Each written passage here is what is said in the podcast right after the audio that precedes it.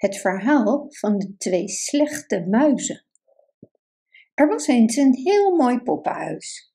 Het was gemaakt van rode baksteen met witte ramen. En het had echte gebloemde gordijnen en een voordeur en een schoorsteen. Het poppenhuis was van twee poppen, Lucinda en Jane genaamd. Het was dus ook van Lucinda, maar zij bestelde nooit maaltijden. Jane was de kok, maar koken deed ze nooit want het avondeten was kant-en-klaar gekocht in een doos vol schaafsel. Er waren twee rode kreeften, een ham, een vis, een pudding en wat peren en sinaasappels. Ze kwamen niet van de borden, maar ze waren buitengewoon mooi. Op een ochtend waren Lucinda en Jane een ritje gaan maken in de poppenkinderwagen. Er was niemand in de kinderkamer en het was erg stil.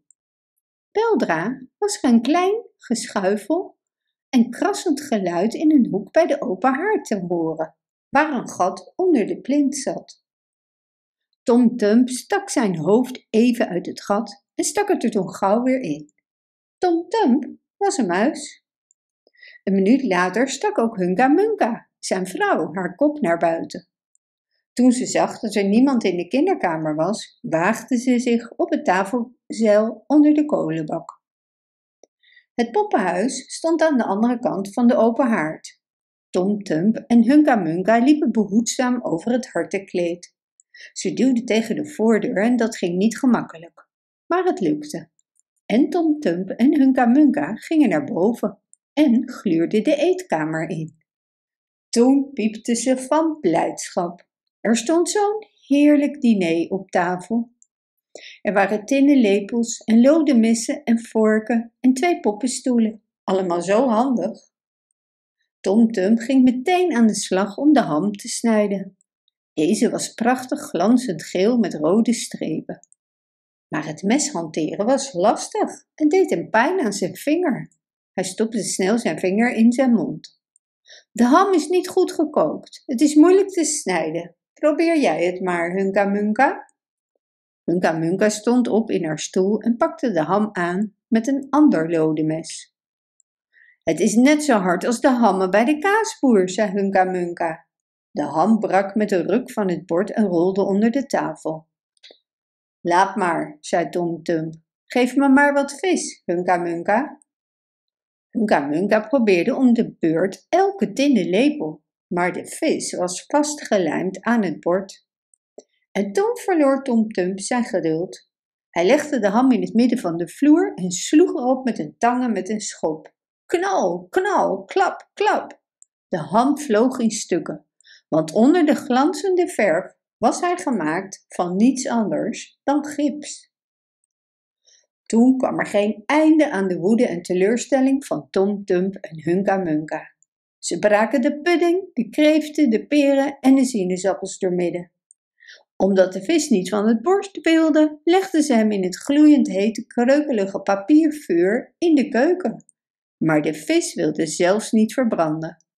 Tom Tump ging door de keukenschoorsteen omhoog en keek naar boven. Er was geen roet. Terwijl Tom Tump door de schoorsteen klom, had Hunka Munka nog een teleurstelling. Ze vond een paar kleine busjes op het dressoir met het opschrift rijst, koffie, suiker maar toen ze ze ondersteboven hield, zat er niets in, behalve rode en blauwe kralen. Toen gingen de muizen aan het werk om zoveel mogelijk kwaad aan te richten, vooral Tom Tump. Hij haalde Jane's kleren uit de ladekast in haar slaapkamer en gooide ze uit het raam op de bovenste verdieping. Maar Hunka Munka had een zuinige geest. Nadat ze de helft van de veren uit Lucinda's kussen had getrokken, herinnerde ze zich dat ze zelf een verenbed nodig had. En met de hulp van Tom Tum droeg ze het kussen naar beneden en sleepte het over het haardkleed. En het was moeilijk om het verenkussen in het muizenhol te persen, maar ze kregen het op de een of andere manier voor elkaar. Toen ging Hunka Munka terug naar het poppenhuis en haalde nog een stoel, een boekenkast, een vogelkooi en een paar kleine spulletjes. Maar de boekenkast en de vogelkooi pasten echt niet in het muizenhol. Hunka Munka liet hen achter de kolenkist en ging de wieg halen. Hunka Munka kwam net terug met nog een andere stoel toen plotseling buiten op de overloop het lawaai van stemmen klonk. De muizen renden meteen terug naar hun hol en de poppen kwamen de kinderkamer binnen. Wat een grote ogen van verbazing hadden Jane en Lucinda toen ze de deur openden. Lucinda staarde stil naar de rommel op het keukenfornuis en Jane leunde tegen het keukenkastje en glimlachte. Maar geen van beiden maakte een opmerking. De boekenkast en de vogelkooi werden van onder de kolenkist gered. Maar Hunka Munka had wel de wieg en wat van Lucinda's kleren. Ze had ook een aantal handige potten en pannen en verschillende andere dingen. Het kleine meisje aan wie het poppenhuis toebehoorde zei: Ik zal een pop nemen, gekleed als een politieagent. Maar de kinderjuf zei: Ik zal een muizenval plaatsen. Dus dat is het verhaal van de twee slechte muizen. Maar ze waren toch niet zo heel erg ondeugend. Want Tom Tump betaalde voor alles wat hij brak. Hij vond namelijk een muntstuk onder het harte kleed. En op kerstavond stopte hij en Hunka Munka het in een van de kousen van Lucinda en Jane. En elke ochtend heel vroeg, voordat er iemand wakker is, komt Hunka Munka met haar stoffige blik om het huis van de poppen te vegen. En dat is het einde van het verhaal van de twee slechte muizen.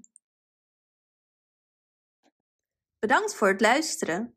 Wist je dat je dit verhaal ook op onze website ririro.com/nl kunt lezen, downloaden en printen?